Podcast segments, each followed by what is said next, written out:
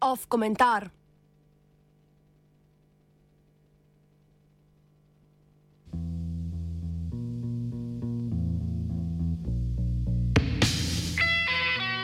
Plac. Upra. Vprašanje skupnega.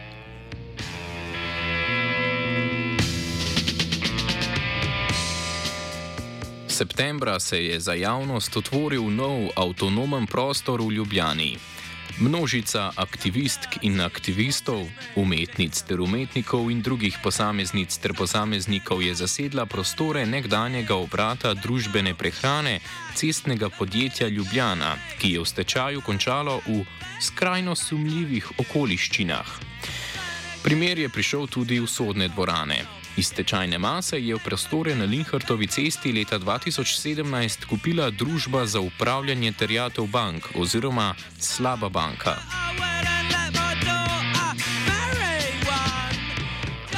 Takoj po zasedbi se je v medijih in na družbenih omrežjih začelo odpirati vprašanje legitimnosti take zasedbe kvazi zasebne lastnine.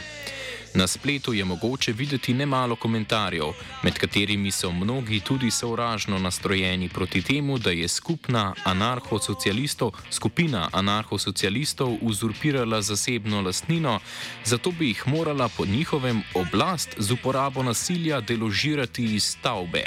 Zasebna lastnina je pač svetinja.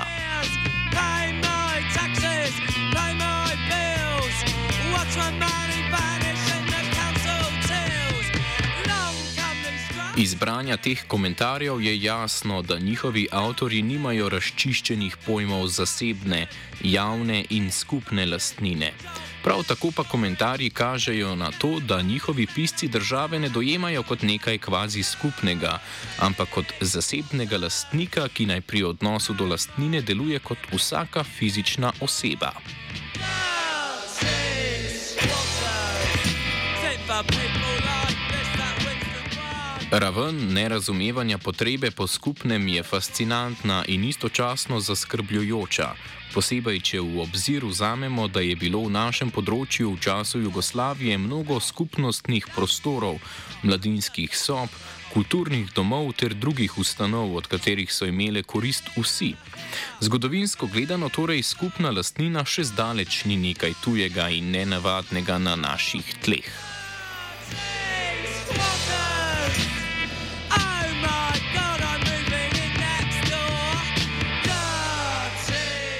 Objekt, ki si ga je za ustvarjanje izbrala skupnost Placa, se je izkazal za odličen primer grajenja in odpiranja vprašanja o skupnem v primeru avtonomnega prostora. Od svoje izgradnje leta 1959 je bil prostor namenjen skupnemu prehranjevanju ter druženju delavk in delavcev v cestnem podjetju ter druženju drugih, ki so tja zašli.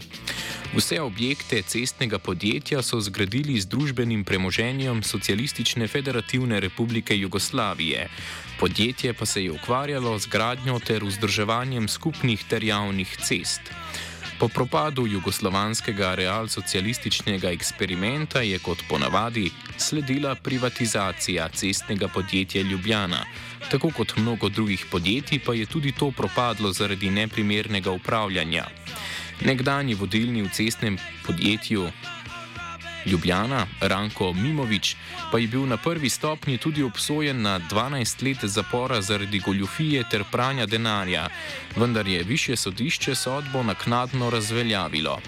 Večinski del zgodovine objekta, na katerem je zrasel plac, je torej skupnostni, javni, družbeni in ljudski. Mahinacije so se začele s privatizacijo.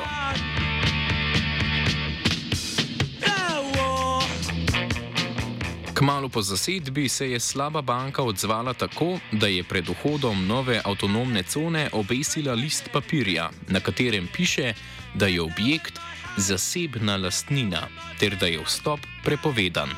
Napis bi pričakovali na gozdni cesti, ki vodi do kakšne zasebne brunarice, katere lastnik si želi mir, vsekakor pa ne pred vhodom v hišo, ki je v državni lasti.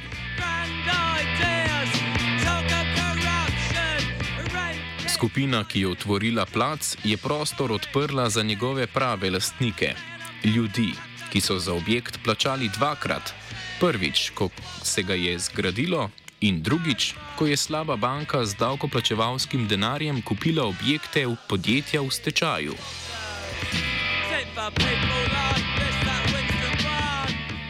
Raba objekta je sedaj zaston, dostopna vsem. V njem poteka kulturni, politični ter socialni program. Skozi njega se je nedvomno sprehodilo veliko več lastnikov objekta, kot se jih je prej v vseh 90 letih od stečaja podjetja. Za objekt skrbijo bolje kot slaba banka in v njega vnašajo večjo vrednost, kot bi jo lahko DUTB dosegla s prodajo.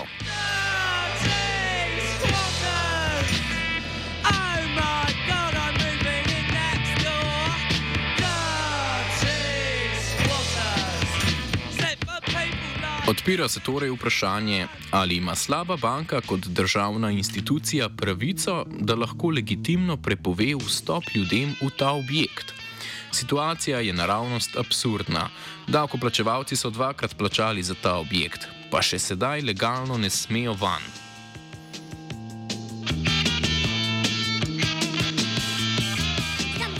Če tudi bi pristali na zasebniško logiko tistih, ki se čudijo nad skvotanjem v domnevno zasebni lastnini, bi bila absurdnost še zmeraj očitna. Predstavljajte si, da s svojim denarjem se zidate hišo, ki vam jo zaplenijo, na kar je nekdo z vašim denarjem odkupi nazaj, hišo pusti propadati, vam pa prepove vstop. Ko pa se odločite, da tega ne boste več trpeli in po lastni inicijativi vstopite v svojo hišo, ta nekdo proti vam uloži tožbo.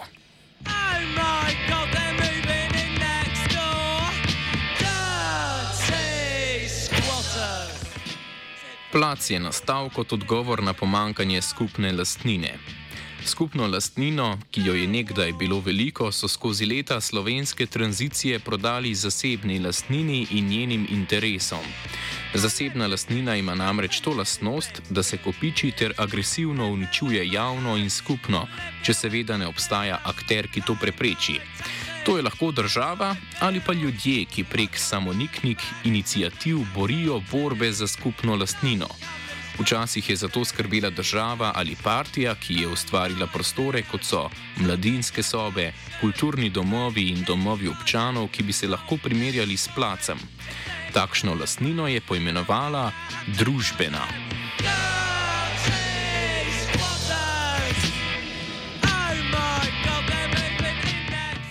V teoriji bi za nastanek ter obstanek skupne lastnine morala poskrbeti država. Realnost po celotnem svetu pa je taka, da država ščiti interese kapitala, hkrati pa je preveč rigidna in od ljudi odtujena struktura, da bi lahko za nekaj skupnega skrbela. Naši oblastniki sicer zagotavljajo, da plac podpirajo, a dejanja njihovih podrejenih jasno kažejo, da naloga državnih struktur, ne glede na mnenje posameznega vladajočega politika, še zmeraj obramba kapitala. V najboljšem primeru lahko država skrbi za javno lastnino, kot je javni zdravstveni sistem, ceste, šolstvo, javna razsvetljava in podobno. Za nastanek ter negovanje nečesa resnično skupnega pa je potrebna inicijativa od spodaj na vzgor, ki je država ni zmožna namensko producirati in deluje proti takšnim iniciativam.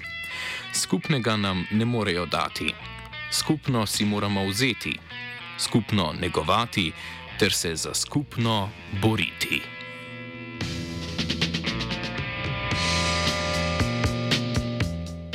Komentiral je Pero.